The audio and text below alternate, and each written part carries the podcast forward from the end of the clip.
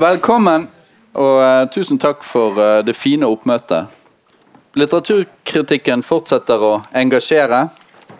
Og nå er det jo også blitt sånn i de, særlig i det siste året at man ser endetidsfenomener overalt.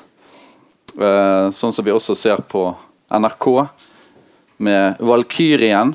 Folk bunkrer seg eh, i sånne her eh, overlevelse, selvbygde overlevelsesmaskiner.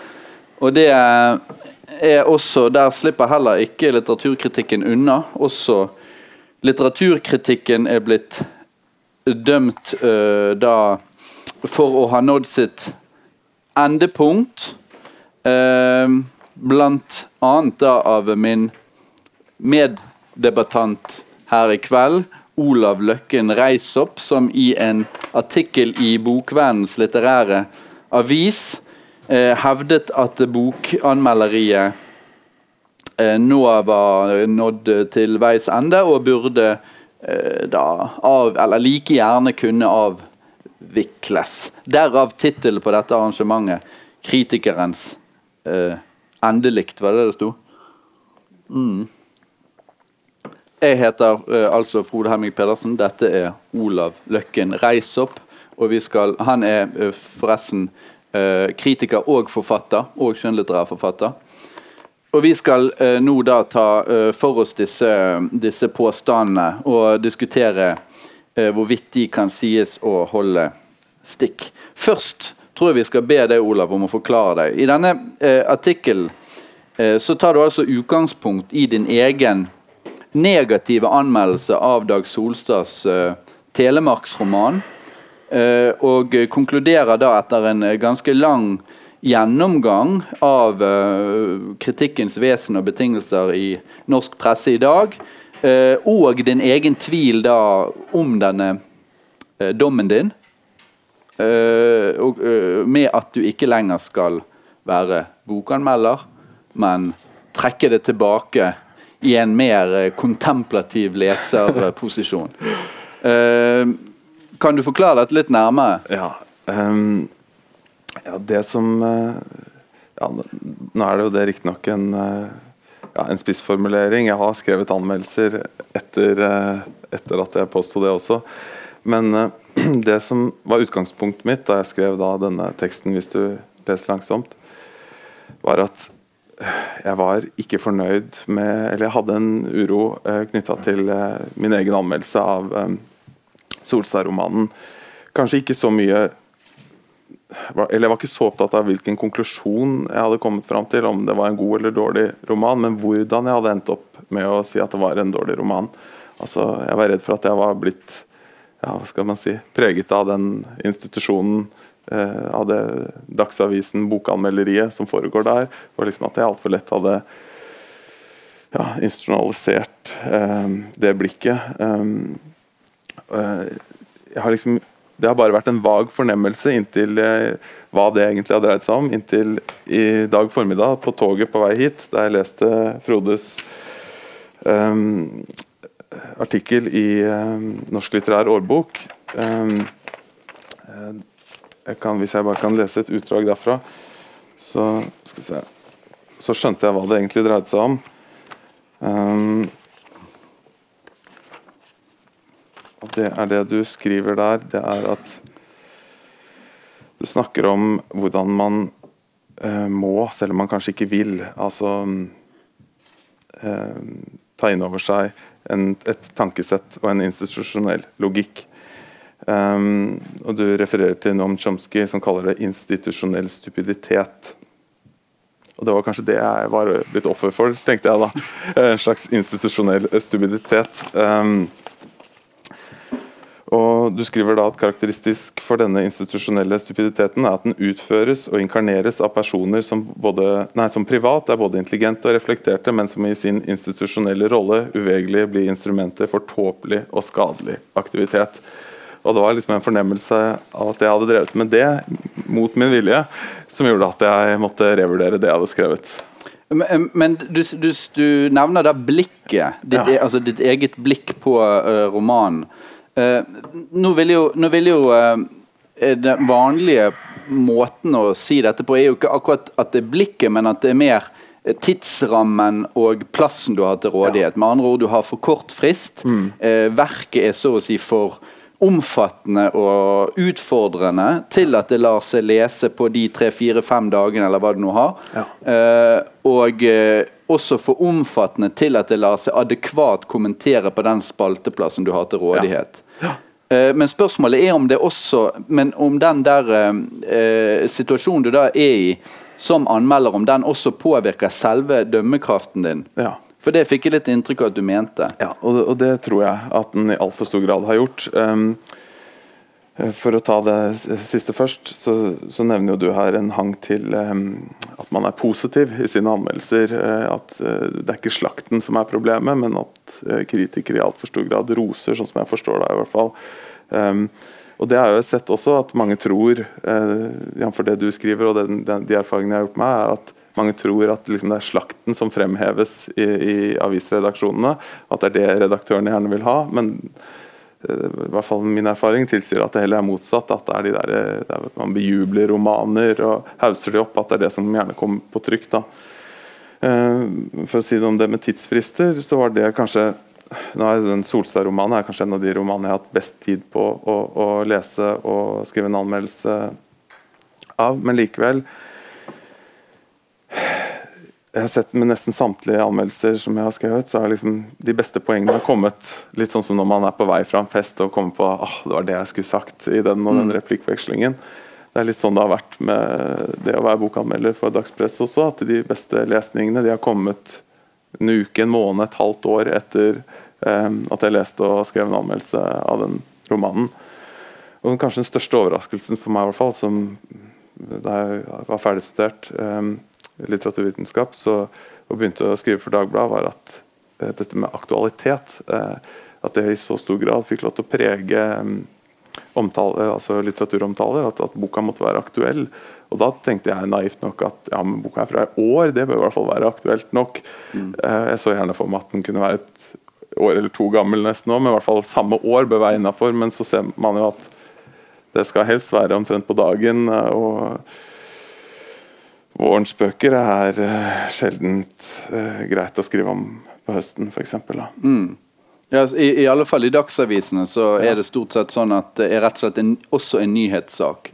Og redaksjonen vil gjerne være først ute, og derfor så bryter man noe sperrefristene. Ja. Tidligere så hadde man nemlig en sånn sperrefrist fra forlaget der det sto Ingen anmeldelser skal på trykk før den datoen. Det er respektert av alle avisene. Nå har man begynt å bryte den. Man leser på, stadig oftere på PDF-er.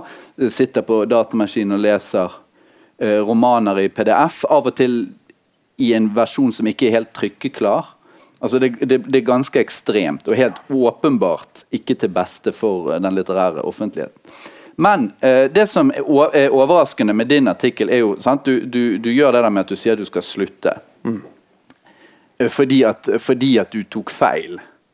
Sant? Eh, Men vi tar jo alle feil, sånn at det er ikke det, det, er jo litt eh, det er jo én ting. Men det som var veldig overraskende for meg, det var det at eh, ikke bare ikke bare sier du at uh, Det er nå det. Du sier at du skal slutte, men så sier du til slutt, da uh, Når jeg likevel fremholder at romanen feiler som roman, er det fordi den som gåte ikke er tilstrekkelig bakgrunnstung osv. osv. Med andre ord, du opprettholder etter all denne tvilen din opprinnelige kritiske dom om romanen. Likevel så slutter du. Ja. Kan du forklare det? Ja, det skal jeg prøve å forklare. Um, um, det var da feil i metode, eller måte, lesemåte, som jeg var opptatt av her. Ikke nødvendigvis hva jeg måtte ende opp med å mene, men at jeg altfor lett eh, anla et perspektiv som var preget av en sånn tabloid eh, tankemåte. Det var den jeg var kritisk til. Eh, og For å nyansere det jeg skriver litt på slutten der, da, så når jeg sier at at vi ikke trenger bokanmelderiet, så trenger vi jo, sier jeg også at vi trenger den gode litteraturkritikken. Og For meg så er ikke det nødvendigvis et kategorisk skille at vi har da den gode litteraturkritikken i, i um, tidsskriften og, og bare ren sånn tabloid kjøps- eller sånn forbruksjournalistikk av bokanmeldelser i dagspresset. Man kan finne eksempler på det. altså det ene i det andre og det andre i det ene. Um, men altså jeg sier at vi ikke trenger den type bokanmeldelser som er da ren forbruksjournalistikk. et kjøp eller ikke kjøp, eh, terningkast osv. Jo, men det der, det, der, det der, argumentet har jeg hørt mange ganger. Uh, og det der med at hvis du, hvis du kommer med en klar anbefaling, enten, enten, så går du inn for boken, eller så går du ikke inn for boken, så er det plutselig et forbrukerstandpunkt. Altså jeg mener, uh, Hvorfor forvandles da altså En, en litteraturkritikk, mm. uh, en bokanmeldelse, skal jo inneholde en dom. Det er jo et slags sjangerkrav. vil jeg si.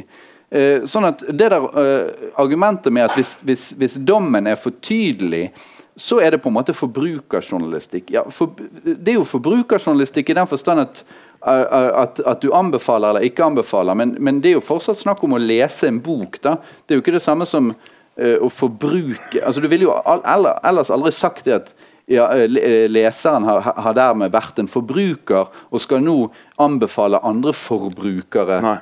Altså, det, det, er noe, det, er ikke noe, logisk konsekvens av at du feller en dom at det dermed blir forbrukerjournalistikk. Nei, og det, det har du helt rett i. Men um, det som vi, Da vi lanserte denne terningen i Dagbladet igjen, for når var det? Ja, la oss si det var halvannet eller to år siden. Da hadde vi en liten sånn debatt i redaksjonen om vi skulle bruke den, og mange stemte imot. Uh, og så ble det avvist som en slags sånn snobbete holdning fra bokanmelderne. Som, som, De ville bli lest, de ville ikke bare at folk skulle se på terningen og så bla videre. Mm. Men for de fleste bokanmelderne så var jo det en holdning som derimot handla om respekt overfor forfatteren og boka den tiden som var lagt ned i arbeidet med, mm. med den boka. Så når jeg kritiserer den, den forbrukstankegangen knyttet til bokanmeldelser, så er det jo ikke dommen. Altså Jeg vil gjerne kunne anbefale en bok uh, å være tydelig. Mm. Um, Eh, i hva jeg mener om en bok.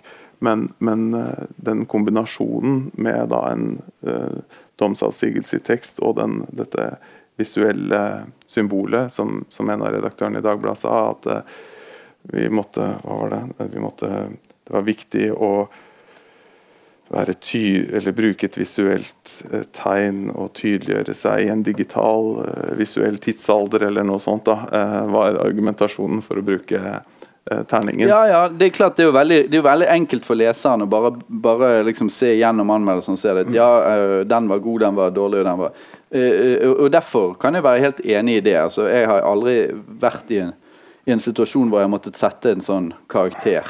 Det er jo i og for seg det samme du gjør som lærer på universitetet, da, men men jeg kan være det, altså det er jeg helt enig med deg i. At, at, det er, at, det er, en fordel at dette er en tekst som uh, man må lese. Altså mm. Den litteraturkritiske teksten må man lese, og så må man da uh, se på begrunnelsen og vurdere argumentene og sånn, mm. istedenfor bare å se den det der. Ja, det, det, er vi da, det er vi nok enige om. I BT er de til og med disse hjertene, som jeg syns er Ja, du skriver litt om det, hva det symboliserer. Ja da. Ja, da. Uh, altså at det, det, er litt sånn Ja, det blir litt sånn hjerter fra meg til deg. Sant? Du får to hjerter. Jeg liker det litt, liksom. Men det, altså, det, det, er allerede litt sånn emosjonelt, da, ja. vil jeg si. Og, og, du eh. nevner jo at man tar opp kampen med bloggerne på den måten, eller at det er et forsøk på å liksom, kjempe litt på deres arena. Ja, men jeg vet ikke hvor, hvor, hvor, sterk den konkurransen fra bloggerne er. Det er jo for så vidt en annen diskusjon. Men det, det som jeg gjerne vil tilbake til nå, er, er jo eh, Hvorfor mener du eh, altså, jeg, jeg, Det som jeg fornemmer egentlig, mm. i og med at du sier det du sier nå, og så sier du at du faktisk heller ikke sluttet, på tross av at du, du sa det. Uh, uh, så, så, mener du ikke egentlig at bokanmelderi Du trekker det egentlig litt der. Sant? Du mener ikke at vi skal nedlegge anmeldelsen i Dagsavisen? Nei, vi må gjøre det skikkelig hvis vi skal ja. gjøre det. Ellers kan det være det samme. Det er det jeg sier. Ja, ja, og, og, og, jeg skal ikke være, trekke meg for mye her, som, jeg, så, som vi snakket litt om i stad. For jeg satt på toget som sagt i dag og leste den her. tenkte oi, vi er jo nesten kvalmende enige, tenkte jeg. Men så mm. møtte jeg deg for noen timer siden og sa du nei da, vi er ikke så enige likevel. Og at det var noe av liksom Du var mer vant til debatt i Bergen, sa du. Så, så du skal ikke trekke det, altså? Nei, jeg skal ikke trekke står, men, men, altså, så, så, men det du egentlig sier, er at egentlig så måtte vi ha hatt en, vi måtte ha hatt en helt ny medieverden Eh, for at det skulle være noe vits å skrive litteraturkritikk. Eventuelt så kan du skrive det i, i tidsskriftene eller ja. noe sånt. sant? Ja. Men det som er problemet da, er jo at, uh, at uh, du mister Da mister litteraturen kontakten med leseren, eller den off offentligheten, den alminnelige avisleser. For det er jo tross alt sånn at litteraturkritikken er berøringsflaten mellom litteraturen og det som foregår i litteraturen, og det som foregår ellers i samfunnet.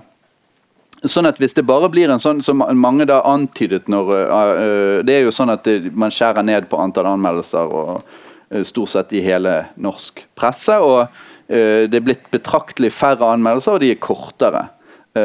samtidig som det kommer flere og flere skjønnlitterære bøker. så, så, så det, på en måte så er det et system som vakler i, i, i sammenføyningene her. Men hvis det skulle være sånn at anmeldelsene sto f.eks. i Vagant eller Vindu eller Bokvennens uh, litterære avis, så vil, jo, så vil, jo, litteraturen bli en spesialinteresse, på lik linje med filateli og uh, uh, som fluefiske og, og, og, sånne ting. Så, som man da aktivt må oppsøke, som en liten gjeng kan drive på med, og så resten av samfunnet seiler mm. fritt. det er jo ikke ønskelig. Nei, nettopp. Så, så, hva, så, hva, vil du da gjøre? For avisene er jo sånn som de er. Mm. Nei, altså, det jeg vil gjøre, eller det jeg ønsker meg, er jo at uh, flere anmeldere skal uh, si det samme. Og det er mange som sier det samme som jeg sier her. Det er jo ikke noe uh, veldig kontroversielle påstander. Men, men, for meg så var det liksom overraskende hvor hva skal jeg si, hvor lett jeg hadde akseptert en tankemåte som, som bokanmelder.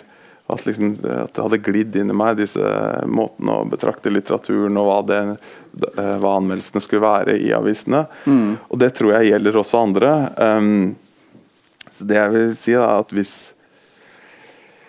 Jeg ønsker meg vel da man skal, at bokanmeldere i større grad skal være liksom bevisst disse tingene og stå på det de mener. Altså, altså stå på at vi må ha breie, få lov til å breie oss mer i avisene. Vi må kjempe for lønn. Altså, det handler også om materielle vilkår, selvfølgelig.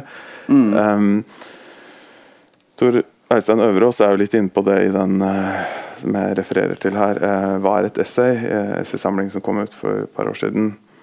Som utløste da tvilen hos meg, fordi han, um, han tok jo da Solstads roman i forsvar. Mm. Og han snakker jo om det at, um, at det er for mange bokanmeldere, rett og slett. kommer han inn på at det bør heller være liksom privilegerte enkelte kritikere rundt omkring, og ikke disse mange, mange anmelderne. Og at, ja, det er jo først og fremst, Jeg vil nå heller si at det er først og fremst for mange skjønnlitterære bøker. Det, det, betyr at de blir ikke anmeldt. Altså, det, snakk om, det er snakk om over 1000 skjønnlitterære bøker i året i Norge. Mm. Tenk litt på det. Mm. Det er ganske mye. Eh, sånn at Det aller meste blir, får jo ikke en eneste anmeldelse. Nei, og han, eh. han, han snakker jo også om de materielle vilkårene. da, at uh, og sånn som jeg forstår han litt, at man ikke skal ha muligheten til å kunne leve av anmelderiet. Og, og, og det er det jo ikke mulig, altså strengt tatt, uten støtteordninger. Eh, nå er satsen i Dagbladet 3000 kroner per anmeldelse. Det vil jo si da ja, Hvor mange anmeldelser blir det? Ja, Det går ikke an, kort fortalt. Nei. Nei. Eh, men, men altså, for det, det, som du da det som du på en måte, det er, to, det er to ting. Du har det institusjonelle forhold, og så har du liksom eh, denne vurderingsprosessen. Og, og, og, Når du tar de to tingene sammen, så får du denne konklusjonen med at du må, at du må slutte. Mm. Og da er, jo, da er det jo Nå er det jo sånn at for alle anmeldere eh, så er liksom den store skrekken det er jo at du får en roman av liksom James Joyce Ulysses-format. Uh, og, så, og, så, ser, så ser du ikke at det er storlitteratur. Du, du, du, du tabber deg ut. Mm. Du tabber deg rett og slett ut fordi du Gjerne fordi du hadde for dårlig tid. Tenk deg at du får Ulysses om mandagen, og så skal anmeldelsen være inne om fredagen. Ja. Sånn, hadde jo, hadde jo, sånn hadde jo det vært i dag. Så Vi kan jo mm. egentlig eh, love uh, si, prise oss lykkelig over at romanene er såpass uambisiøse som de er da i Norge.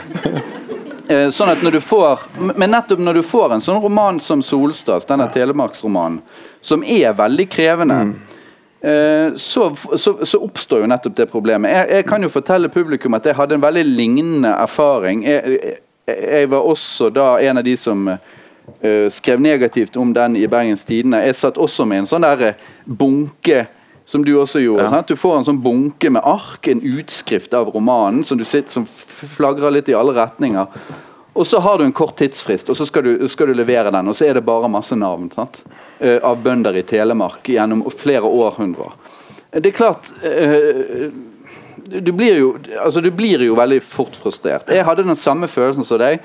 Eh, kan jeg ha tatt feil? Og Jeg vendte tilbake til romanen, og jeg ser jo at den er på mange måter et helstøpt prosjekt. og et, prosjekt, et romanprosjekt som går utenpå det aller meste av det ja. som skrives i Norge. Selvfølgelig svært ambisiøst. En, en, gjennomført antiroman. Noe, noe som jeg kanskje i for liten grad var oppmerksom på da jeg skrev anmeldelsen. At dette, dette faktisk er et, en bevisst antiroman. Ja. Uh, men, men jeg, jeg, lurer på om jeg nevner det i anmeldelsen også. Men at det på en måte Ja, ja, det er en antiroman, men, men den, den, ga meg likevel ingen uh, stor, uh, stor opplevelse. Sant? Ja, Det er litt sånn jeg argumenterer også. Dette er en, I den første anmeldelsen at dette er en, altså jeg, dette er en antiroman, og så, og så halser jeg videre. liksom der, hva, hva. Ja. Og det du, det du, da selvfølgelig kan si, er at det hadde vært mye mer interessant å skrive lenger. og Det har vi jo da begge to gjort i senere tid. Skrevet litt lenger om den romanen og gått litt dypere ned igjen. og sånn, og det er klart at En roman av den typen er en roman som er særlig godt egnet til å utfordre hele systemet, sånn som det er nå. For det er på en måte litt umulig. Mm. Det, det, eller det, det, altså jeg synes, jeg, jeg kan godt altså Jeg er helt med på at den romanen som utfordring Eh, for en kritiker av i dag, er et, et veldig godt eksempel på hvordan institusjonen så å si eh, ikke, ikke, er forberedt. Ja.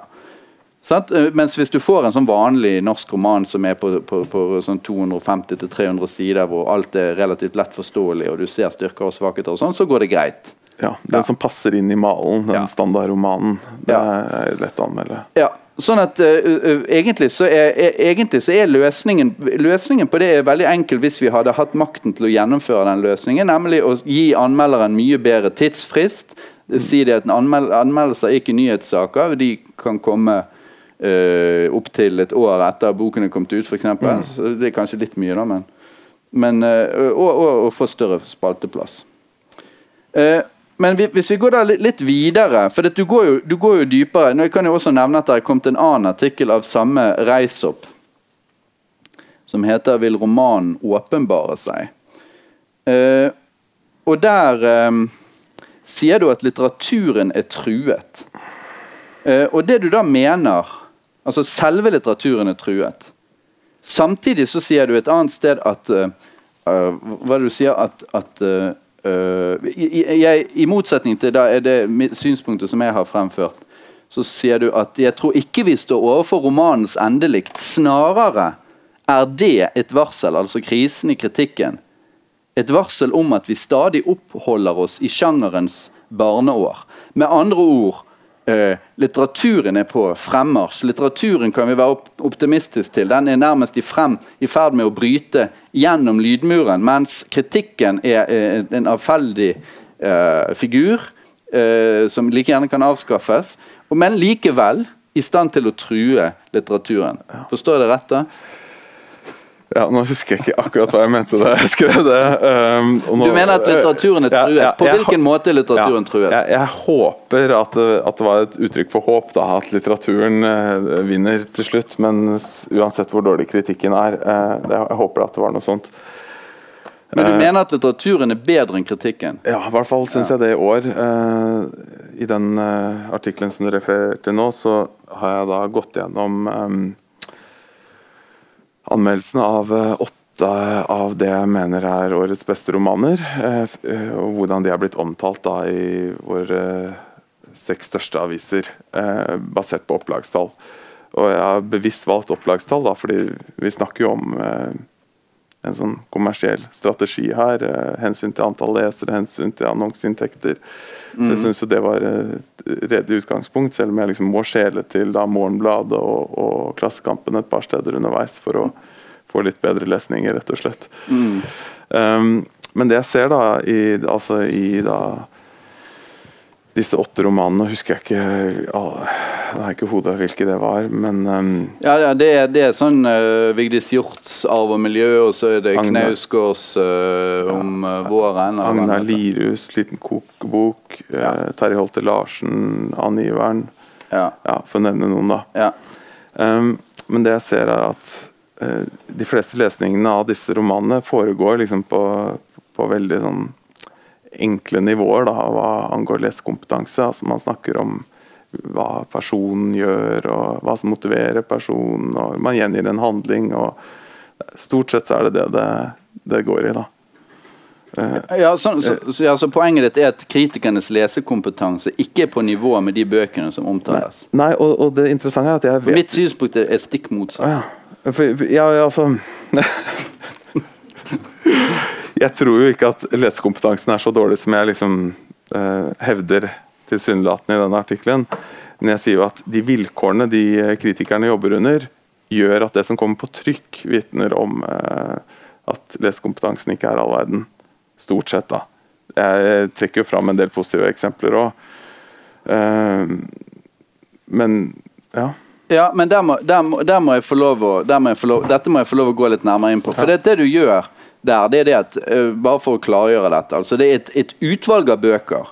Så det er et utvalg av aviser, og så går han igjennom anmeldelse for anmeldelse, og så reiter han de etter et system Sant? Og det er, greit nok, det er greit nok å reite alle anmeldelsene, men du reiter de etter et system som du har funnet i en bok av Jonathan Culler fra 1975 som handler om strukturalismen.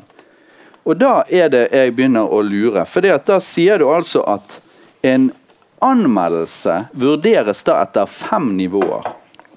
Eh, det første nivået det er hvis anmeldelsen da omtaler altså Nivåene er fra Jonathan Culler. sant? Og eh, Nivå én det er verket som representasjon, egentlig, da, mm. eh, av, av, virkeligheter som mennesker og, og, verden. To, det går på te tema.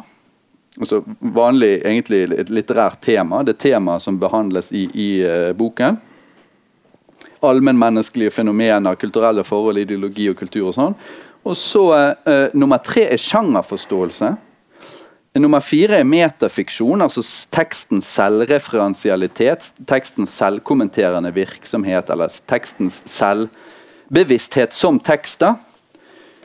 Og det siste nivået, aller høyeste, det er altså intertekstuelle forbindelser. Hvordan tekst, litterær teksten kommenterer tidligere litterære verker. Og det er jo åpenbart hos deg rett og slett en hierarkisk stige. sånn at hvis en, hvis en uh, anmeldelse har med intertekstuelle forbindelser, så er det av høyeste merke. Det er litt lavere merke hvis det bare går opp til det metafiksjonsnivået.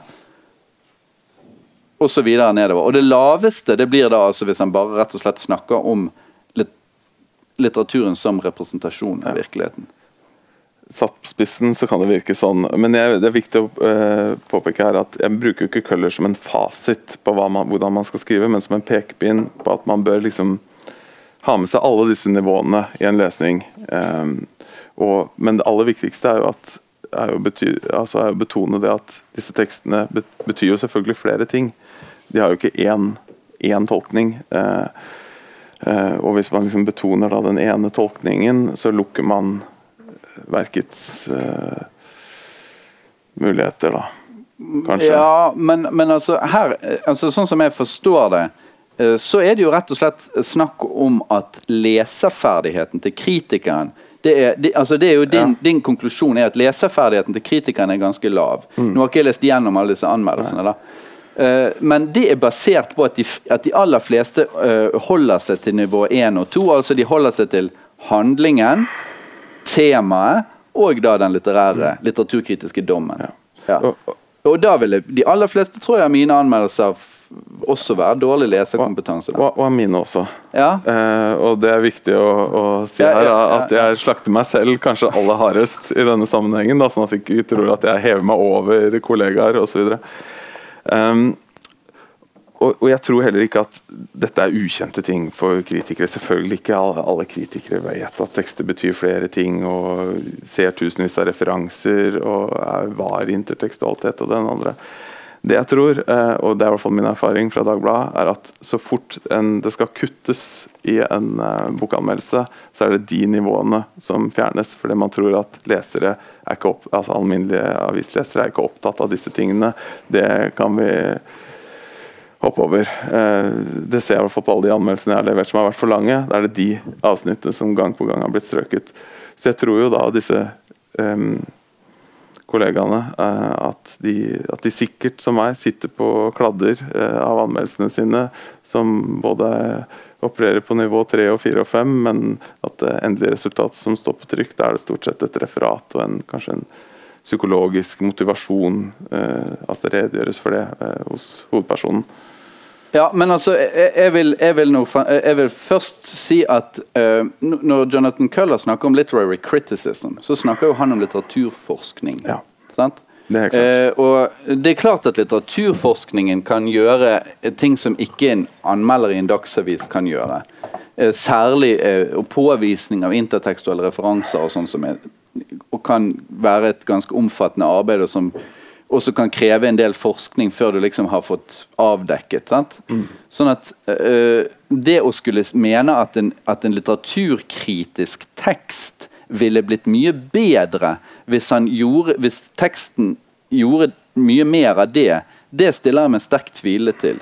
Altså, mitt poeng er rett og slett at det systemet du etablerer for å måle leserkompetansen, det vil jeg på det sterkeste opponere mot. Fordi at det er mer enn nok hvis den litteraturkritiske teksten på en god måte viser handlingen. Og det Et handlingsreferat er jo en, en undervurdert kunst, for det er jo også alltid fortolkning.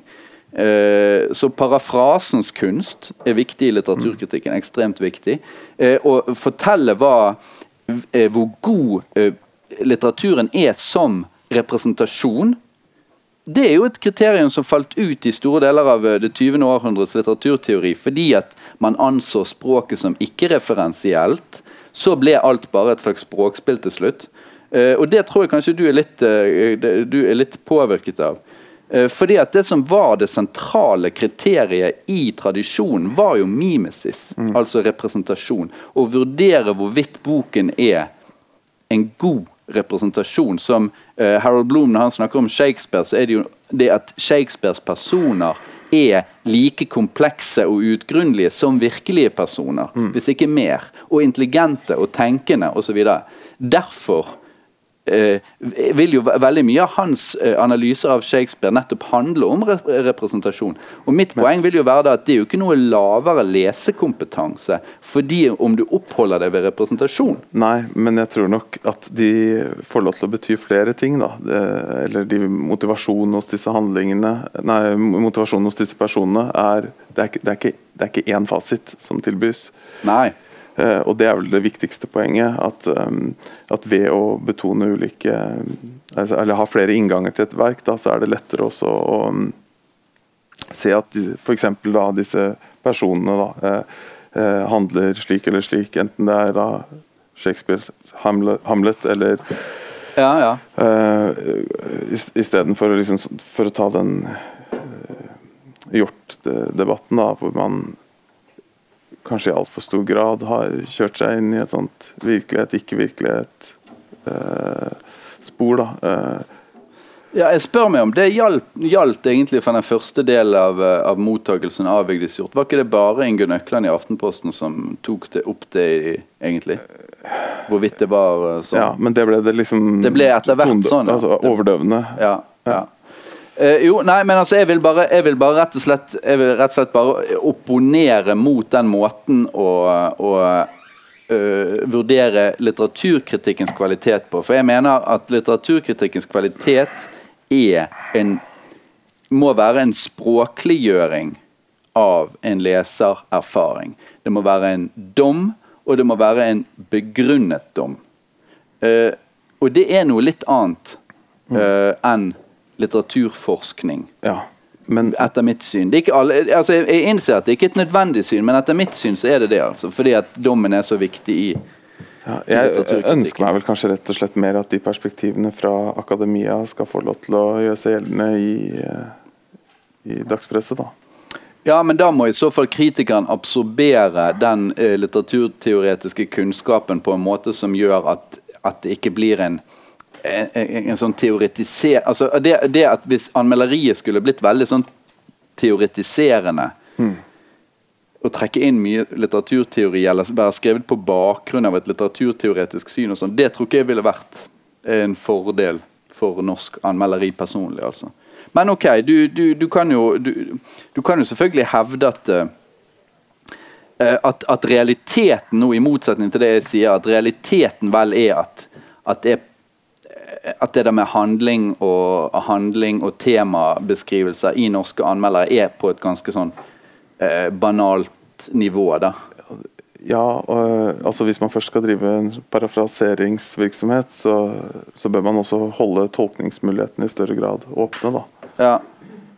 Men, men, eh, men altså eh, i, i fall så var det sånn da jeg var i Bergens Tidende, at redaktøren ville jo ikke ha noe særlig handlingsreferat. Det var jo noe av det som anmelderne fikk beskjed om at de ville, ville bli kvitt.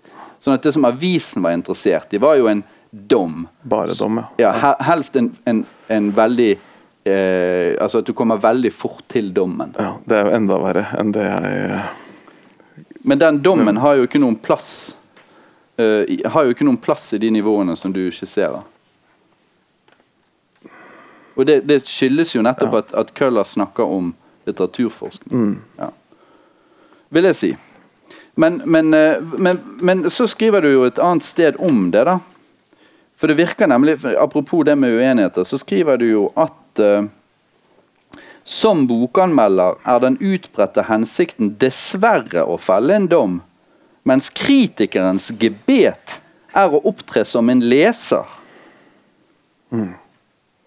Sånn at, uh, her, og her er jeg opptatt av det å holde mulighetene åpne. Altså ikke redusere ting til, sånn, en, til et politisk slagord, eller si, sette to streker under svaret. Ja. Der, ja, og det, da, da, er du inne på da kan, da kan jeg være enig i at det er å avskaffe kritikken, egentlig. Fordi at eh, kritikken kan ikke drive på med å holde saken åpen hver gang. Da er ikke det litteraturkritikk. Det kan du gjøre som essayist eller et eller annet. Men hvis hele litteraturkritikken skulle vært i en, i en situasjon hvor, hvor, man hadde funnet ut at, at, at, man skulle holde dom Altså avholde seg fra å felle en dom og holde liksom verket åpent, da, da kan ikke jeg helt se at det er litteraturkritikk. Um, jeg burde hatt noen eksempler nå. Uh, Al altså Ja. Mener du, eh, For å formulere et spørsmål, da, mener du at, uh, at litteraturkritikken kan klare seg uten å felle dommer? Uh, nei. Hvis du uh, går så kategorisk, nei. Nei, og dermed, dermed Det må være en vurdering der også, men jeg ser jo vel kanskje heller det at vurderingen går i altfor stor grad på bekostning av det andre. Og det sier du jo selv også fra Bergens Tidende, at dere ikke engang fikk lov til å drive handlingsreferat, men at dere måtte bare, eller ble oppfordret til å gå rett på dommen. Ja. Og da er jo bokanmeldelsen står, står i fare. Da kan, altså, eller for å si det på en annen måte, Trenger man bokanmeldelse med det perspektivet? Kan man ikke bare si ja eller nei? Eh, ja. Til syvende og sist, da, hvis det er dom som er det eneste det handler om. Eh, Mathias Fallbakken har jo den eh, novella 'Minimal begrunnet, kritikk'. Begrunnet dom. Ja, begrunnet dom. ja. ja. Men altså, vi ser jo at det kan presses i en retning. altså den, eh, I den Snort Stories da, så er det en novella 'Minimal kritikk'. Og Da er det en som ikke engang klarer å si ja eller nei, og han får da sparken. Eh, det er, liksom, det er denne, den bokanmelderens endetid, da. Ja, ja. Nei, men altså Jeg har, jeg har iallfall ut, utallige ganger blitt møtt med der, eh, det argumentet at uh, en leser, en god leser må forholdes, må være åpen. Sant? Og hvis du, hvis du dømmer, så lukker du. Mm. Ja. Uh, men sånn at, men poenget, poenget det, som folk, det som folk da ikke forstår, er jo at den åpningen den er jo noe som har vært før du skriver teksten. Sånn at da har jo du vært Da skal du, er jo helt enig, da skal du jo være så åpen som du bare kan. Mm. Uh, og uh, det, som, det, som, leserne av, uh, av, litteraturkritikk må være oppmerksom på, er det at det er jo veldig mange vurderinger som ikke står i, den, i selve teksten, men som er gjort på forhånd. sant? Eh, sånn at det, det vil jo alltid være mange grunner til at en dom også kunne vært en annen. Og du er jo inne på et veldig godt poeng, nemlig at eh, som jeg også har lagt merke til at veldig mange argumenter som brukes, enten i slakter eller i positive kritikker, eh, kan være både positive og negative. Altså Det samme argumentet kan brukes i en slakt som i en positiv kritikk. Det er jo fascinerende. Ja, og Det er jo noe av det som også utløser da denne eh, Solstad-revideringen min. da, det at er En kamerat av meg som er forfatter, han, som jeg skriver om, han eh, gikk i lang tid og liksom snakka om hvor eh, dårlig han syntes En tid for alt var. Av Knausgård. Ja. Ja. Og liksom Han var liksom ikke nådig. Han holdt på med det her i et par år. Han skulle, skulle liksom prakte på alle han møtte. Eh, hvor elendig roman det var. Helt utrettelig, særlig når han har noen, fått seg noen øl. Da kom det opp en gang på gang på gang. på gang. Helt til han plutselig en dag, da, midt i en argumentasjon, han bare switcher, og så bare skjønner han at jeg har brukt liksom, to år på å argumentere for hvor dårlig det her er. og så det er en grunn til at liksom, det pirker borti noe i meg, et livssyn eller en eller annen ståsted. Og da plutselig slår han tvert om, og så syns han boka er kjempebra. Og nå holder han på å gå rundt og argumentere for hvor god den boka er. Med de samme argumentene. Med de samme argumentene, ja. Ja. Så, så, det, så det sier jo også noe om liksom, hvor farlig det, den dommen kan være, da, hvis den hvis den, fall hvis den mister begrunnelsen. Eh, oppløpssida, kan du si. da. Ja, men, men, men jeg syns ikke vi skal være så veldig redd for å ta feil og innrømme at vi har tatt feil. Eh, og hvis du har lest en betydelig bok som du har slaktet, eh, og, og den går, og du ikke blir kvitt den, og du går med den uroen Jeg gjorde det med den telemarksromanen sjøl. Og jeg går med den fremdeles. ja. Eh, så, så må du jo skrive igjen, da. Ja, og det, og det gjør jeg jo om og om igjen. Jeg tror jeg har skrevet fem artikler om det, om Ja. at jeg kanskje tar feil nå. Så. Men, du, men du, har ikke, du har fremdeles ikke skiftet mening? Nei, men argumentasjonen endrer seg stadig. Ja. Så kanskje om et par år, så midt i en eh, slakt eh, over et par øl, så endrer jeg ståsted.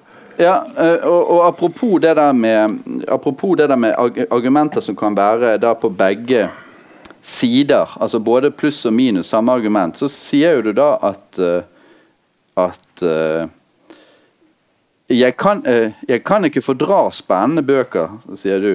Kjedelige derimot kan fenge. men eh, men, men de fenger, altså kjedelige Ja. fenger vel ikke? Nei. Det er jo Jeg ender vel opp med å si at langsomt er et bedre, langsomt er et bedre ord. Ja. det, er, er, og det er fullt av selvmotsigelser eh, i, i begge tekstene. Og det, og, og det kommenterer jeg også om Tor Eistein Øverås, da, at også hans eh, var et essay er full av eh, selvmotsigelser. Men det, men det syns jeg man kan tillate seg. Ja. A foolish consistency is the hobgoblin of little minds. Som Emerson sa i sin tid. Ehm, men, eh, og så, men så, du, eh, så, så snakker du hele tiden om underholdning. Eh, og, og, og, der syns jeg du, du er god når du sier det at, at det er en myte det der at underholdning er liksom usant og feil og sånn. Mm. Tildekkende. Mens hvis det er kjedelig, da må det være sant. Da har du liksom fått til noe. Ja, Eh, det- mens, mens min erfaring med, med stor litteratur er jo at den er underholdende, mens, mens dårlig litteratur er kjedelig. Ja.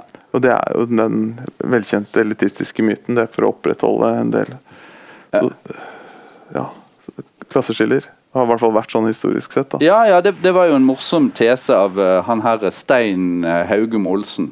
Som mente at de modernistiske romanene var kun skrevet fordi at arbeiderklassen bare begynte å lese Ibsen og Bjørnson og sånn. De realistiske romanene. Og så trakk liksom overklassen seg opp og sånn eh, Ja, dere kan forstå dette, men dette kan dere ikke forstå. Det er James Joyce og den type ting, og Prost og vanskelig, veldig vanskelig modernisme. Så det er mye bedre. Eh, så det var, det var jo da en institus institusjonell en institusjonell teori om eh, modernismen. Ja. Og et av poengene her er jo også Shakespeare, da, som du har nevnt før. er jo hadde vel kanskje ingen problem med å underholde, eh, kan det virke som. Eh, teatret skulle jo fylles. Og, Ja, det var jo underholdningslitteratur. Ja, nettopp. Det var jo det.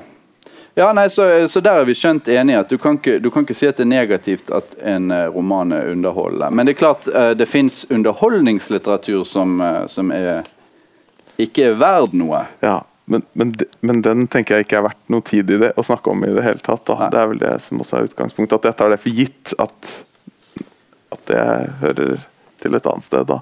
Dessverre så ser jeg jo i Dagbladet at det handler jo stadig mer og mer om Game of Thrones og den type ting, da. Ja, jeg kom jo selv i skade for å skrive om uh, Game of Thrones. Litt uheldig øyeblikk. Men, uh, men, uh, men, det der at, at litteraturkritikere skriver litt om TV-serier, kan vel ikke være noen stor katastrofe? Nei, det er ikke noe problem. Nei. Men hvis det går på bekostning av den seriøse litteraturen spalt, Det er jo et visst antall spalter med spalter. Ja da. Ja, altså Underholdningsseksjonene i avisene er ja. blitt noen slags store blinkende monstre, og litteraturkritikken er liksom helt i kanten da. Og Man snakker om at litteraturen er et satsingsområde, det får vi høre stadig vekk. Uh, det, det, nevner jo du også i din artikkel, at det er vel kamuflert uh, nedtrapping. Ja, nå er det jo Nå var jo ikke VG som sa at de skulle kutte alle anmeldelsene. Nå var jo ikke de så uh, kategoriske det likevel. Altså Det viser jo seg at det har en viss sånn Eh, altså Problemet er at litteraturanmeldelser kommer utrolig dårlig ut på leserundersøkelser. Det er helt utrolig dårlig. Det er liksom ingen som leser det. Og Likevel så har avisene problemer med å avskaffe det fordi at det er et eller annet Jeg tror det er et eller annet som sitter igjen med at da mister hele avisen en slags tyngde. Så det får vi jo bruke for alt det er verdt. Men før vi nå eh, kanskje vi skal åpne for noen spørsmål fra publikum, men vi bør kanskje konkludere litt. da. Mm. og konklusjonen, sånn som jeg ser den, er jo at begge mener at litteraturkritikken blir bedre. Jeg mener at litteraturen selv bør helst bli bedre, og kanskje kuttes litt ned på. Mm. Saneres. Sånn at vi får litt færre bøker å, å, å, bale med. Det hadde vært veldig bra. I hvert fall så er det fra nå i 2016 når jeg sitter i jury for Ungdommens kritikerpris, eh, hvor umulig det er å lese alt, rett og slett. Mm. Ja, sånn at hvis, hvis, kritikeren hadde fått det som han ville, han eller hun ville, så uh, ville det vært uh, bedre tid og litt lengre tekster. Og færre bøker. Ja. Mens, mens, forfatterne de burde da også da, Forfatterne skal jo også leve av disse bøkene som de gir ut. Så de har jo også et slags tidspress gå ut fra. Men de, jo, de, burde jo da egentlig også gi ut litt sjeldnere. Ta, ta deg et år ekstra. Mm. Ja, da tar vi spørsmål fra salen. Det, det, det, er sånn nå at, uh, at det er en som vil gjerne gi en uh, mikrofon hvis det er noen spørsmål. Ja.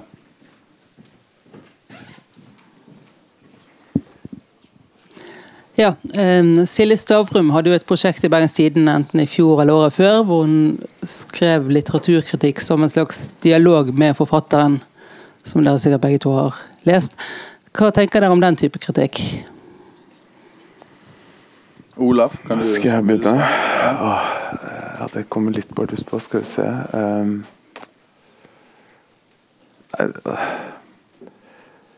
altså, positive altså De mulighetene som ligger der, er jo Altså jeg, har snakket litt med de om dette med kamerater jeg, som gir ut bøker og sånn, som et, At jeg ikke får lov til å anmelde disse bøkene, kan være litt problematisk av og til. fordi jeg tror jo at um, de man kjenner, er, man de man kanskje også gir de beste, eller kommer med de beste lesningene av, fordi man kjenner prosjektet mer inngående.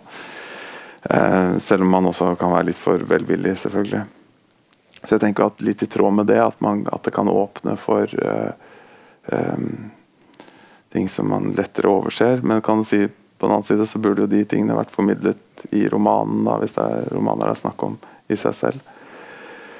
Og Det andre problemet er jo dette med hensynstagen, at man blir for, eh, ja, for snill, rett og slett. da.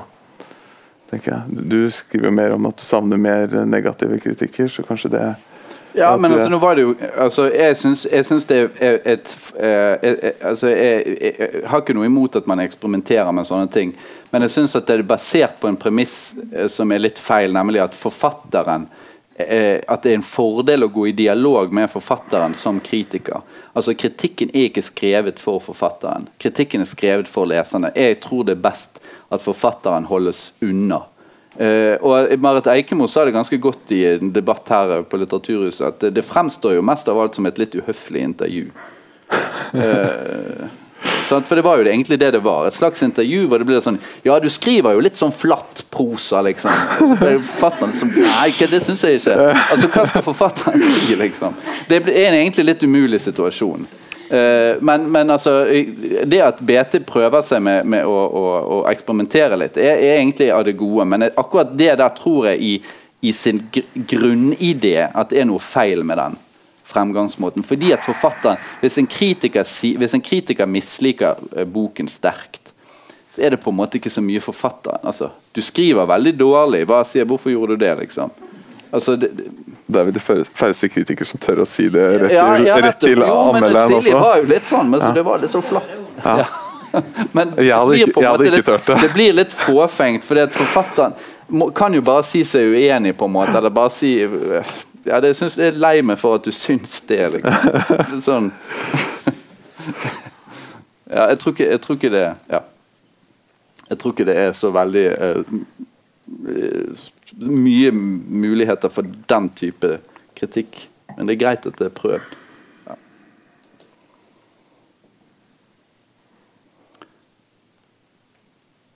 Nå er det jo ofte sånn at uh, ikke alle som uh, eller folk som sitter og egentlig kunne tenke seg å si noe, men så tenker er det nødvendig? Men uh, prøv, prøv, å tenke, senke terskelen litt.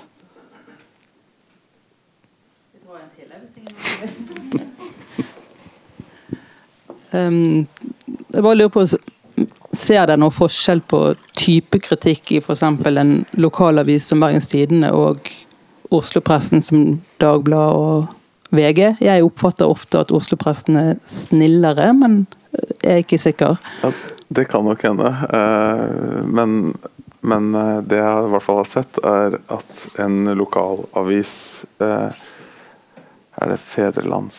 Nei, vent, da. Nei, vent da. Nei, nå står det stille. Det er i hvert fall en lokalavis som, som har anmeldt noen hjemby hjembygdinger eh, på det forlaget som jeg også skriver på. Uh, de har fått seks hver gang. Det har jeg sett. Ja. Så, så, en viss forskjell er det i hvert fall. Ja, Det kommer an på hvor lokalt du tar det. da. Altså BT er jo ikke så veldig lokal avis. Det er jo en ganske stor Ja, ja. ja.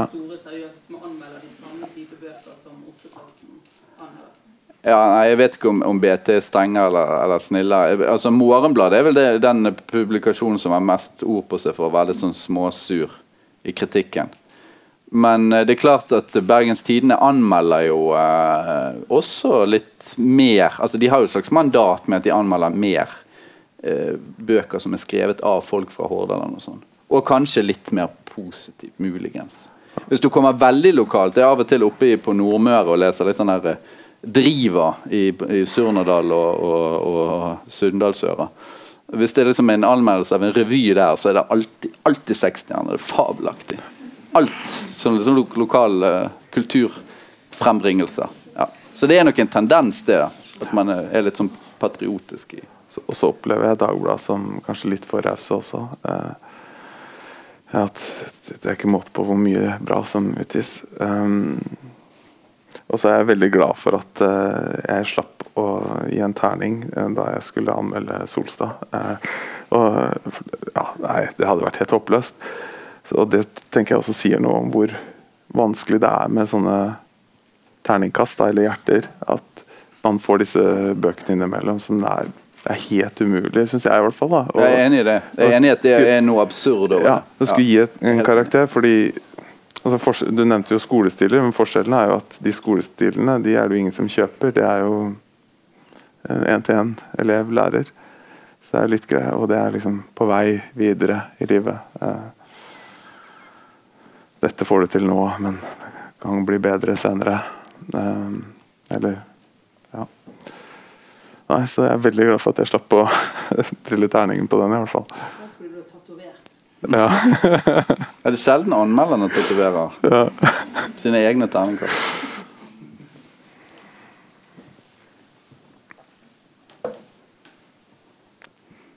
Og, og, hvis man skal operere med terninger, så blir det nesten som at man må ha liksom en sånn, en sånn skala for hver, hver, eneste forfatter. Da kan man nesten tenke seg at ja, dette var en dårlig eller en god roman til å være Solstad, og så gir man terningkast deretter. Det er tenkt litt av og til. Mens eh, Fordi Ja. Nei, altså, nei, jeg er enig i det med terningkast og sånn. Det må man ikke begynne med. Eh, Børdal.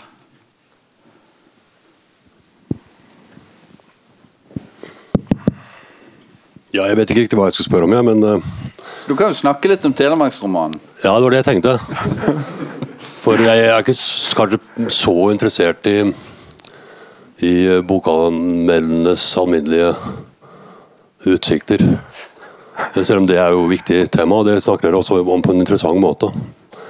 Men jeg leste den der teksten til Reise opp i første etasje her for noen timer siden. Jeg hadde ikke lest den før.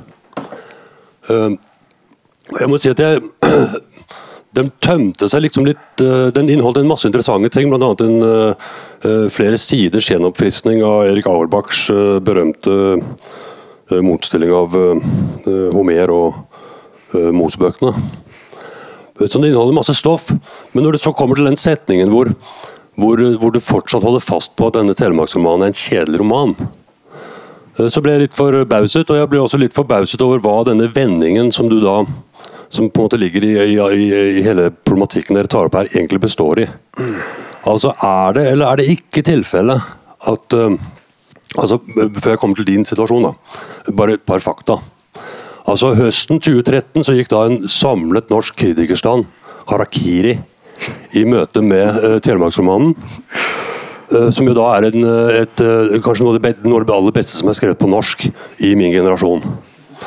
Uh, Og Det oppdaget ikke denne kritikerstanden, og da mener jeg en samlet. Med et par unntak jeg ikke kommer inn på. Det fantes også anmeldere, f.eks. en lang og grundig og interessant anmeldelse for så vidt i Morgenbladet av Anne Farsetås, hvor man da forsøkte å redde romanen ved at den til tross for sin kjedsommelighet og evige oppramsing eh, eh, kunne reddes da i, kraft av en slags antiroman eller inneholde en slags historiemetafysikk Uh, til tross for denne uh, ulidelige leseropplevelsen den samlet sett uh, utgjorde. Det var bare en variant av som feillesning.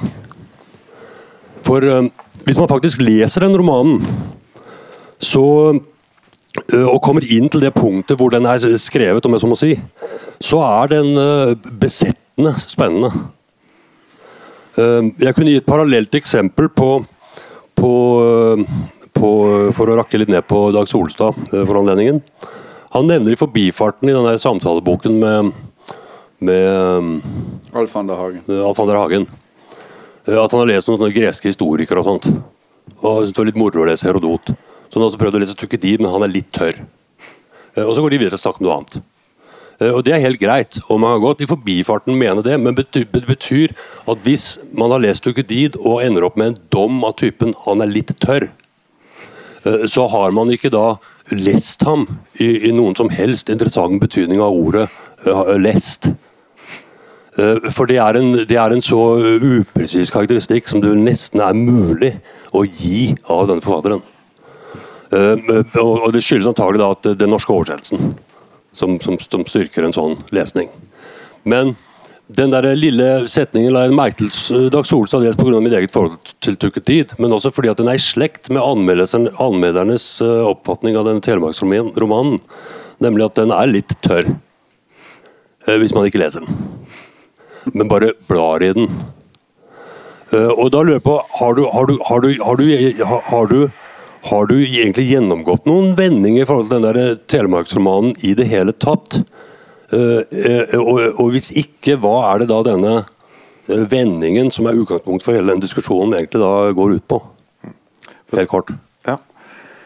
Eh, For å ta det siste først, da. eh, Som jeg sa innledningsvis, så var jeg ikke så opptatt av eh, konklusjonen, men hvordan jeg hadde argumentert da den første gangen, kontra hvordan jeg argumenterer den andre gangen. Altså, at Den første gangen så var jeg liksom mer ukritisk. Da kan du si at jeg hadde internalisert da institusjonens logikk og tank, ja, tankemåte, språk, og kommet fram til en konklusjon. Men hvis jeg skal lese den igjen, som jeg jo gjorde, eh, som jeg eh, skriver også, og brukte da bedre tid på den enn det hva jeg hadde til rådighet første gangen, så kom jeg kanskje ikke til så veldig forskjellig konklusjon som den første gangen, men med en annen argumentasjon. Det er det som er viktig for meg. Og det er en argumentasjon jeg i større grad kan stå inne for da, enn den, den lette, kjappe. Men det betyr at du ifølge Amund så har du fremdeles ikke lest den? Nei, og det har jeg kanskje ikke. da. Jeg, altså, som jeg sa her i stad, tvilen uh, gnager fortsatt i meg. og uh, Jeg må sikkert lese den om igjen uh, om et år eller to.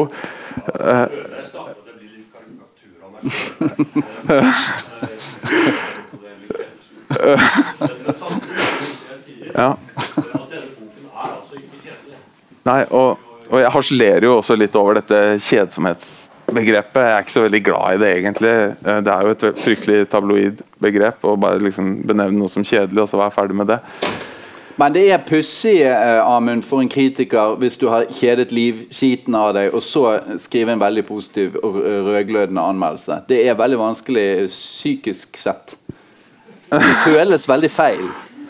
Uh, sånn at, sånn at det som, det som, du skriver om i din kritikk av kritikken når det gjelder den boken, er jo at du blir besatt av disse livene og får vite hvem det nå var igjen som var han som satt på den gården og som hadde hatt problemer med skifteretten sånn og sånn, eller hadde lagt ut noen penger for uh, en eller annen eiendom som han hadde kjøpt osv. Og, så og hadde giftet seg med den og den. Og hvem var det nå igjen? Jo, det skriver du. Hvem var det nå igjen? Ja, men Det er ikke målet for lesningen, det er bare en del av metoden. Men det må jo være det som er spenningen, da. Å oppdage hele tiden, gjenkjenne disse personene ja, det var han, og det må jo være uh, fetteren til han og, og, og, faren til han og bestefaren og sånn. Og det var han som hadde talt uh, Roma midt imot. Og sånne ting. Det må jo være det, da? På en måte er det det, men det uttømmer det jo ikke. Nei. Uh, for det vil jo være, altså Da kunne man gjøre veldig mange tekster. Det kunne bli veldig. Altså, besatt av telefonkatalogen, for å si det på den måten. Det er jo noe med, det noe med, det noe med, med, med det uttrykk som er gitt. Jeg vil heller si det sånn at det å holde styr på persongalleriet i den der, det er å holde styr på de forskjellige nedslagene under avlyttingen av Goldberg-variasjonene. Mm. Og det betyr ikke, at, betyr ikke at, at, du da av all interesse samler seg om hvert enkelt nedslag. Interessen samler seg om øh, den strukturelle øh, altså det, det, det, det, samler seg om det totale uttrykk som du her blir utsatt for, og som ikke er knyttet til disse gårdsopplysningene. Symfonien av navn fra Telemark. Som en øh, stjernehimmel, egentlig. Og, ja, og, jeg, på vei så leste jeg også uh, på nytt igjen da, din anmeldelse, eller kritikk av anmeldelsene fra den gangen, og din kommentar til den igjen. Um, Intrikat. ja. og, og, jeg, og, jeg, ser jo det at på ett plan har jo i hvert fall Solstad lykkes med denne romanen. Vi fortsetter her nå, og vi kommer sikkert til å holde på med denne romanen år etter år etter år på samme måte. Um, men jeg har problemer med Altså jo, jeg har problemer med det at den er så veldig forskjellig fra bygdebøker. for Jeg, ja, jeg syns det kan være gripende og spennende nok å lese bygdebøker. Jeg, altså, hjemme så skulle jeg slå opp liksom på husmannsplassen hvor jeg kommer fra, da, som bærer samme navn som meg. Og da fant jeg ut at der, der får jeg en sånn formulering som at eh, husmannen, når han ble, det lå under prestegården, eh, når han ble kallet av presten, så måtte han han og hesten komme uten knurr, står det. Og Det er fullt av den type uttrykk som jeg syns er kjempemorsomme å lese. Og, og, og som jeg synes, på samme måte som jeg syns det er veldig morsomt å lese ete ei sild og, og, disse tingene som kommer eh, innskutt mellom navn og årstallene i eh, Solstad-romanen. Mm. Ja da, og Så kan man jo sikkert være enig i at, at Solstads uh, setninger er av en annen orden enn disse bygdebøkene. Det, det kan, kan, jo for så vidt hende. Og det er klart at Solstads uh, telemarksroman er på et eller annet slags vis imponerende. Og Det er vel også derfor det er så ubehagelig å stå som den som har vært en av de som har slaktet den, ja. sånn uten videre. Som om, om, som om, det skulle vært et hvilket som helst annet tjuskete ja, produkt. Sant? Det er jo et eller annet med det. Og, det og at Den fortjener ikke det heller. Nei, nei. Og, Den må møtes med helt andre argumenter enn det liksom vanlige tabloide språket. Og igjen takknemlig for at jeg slapp å gi terningkast. Ja. Da setter vi strek der. Takk for at dere kom.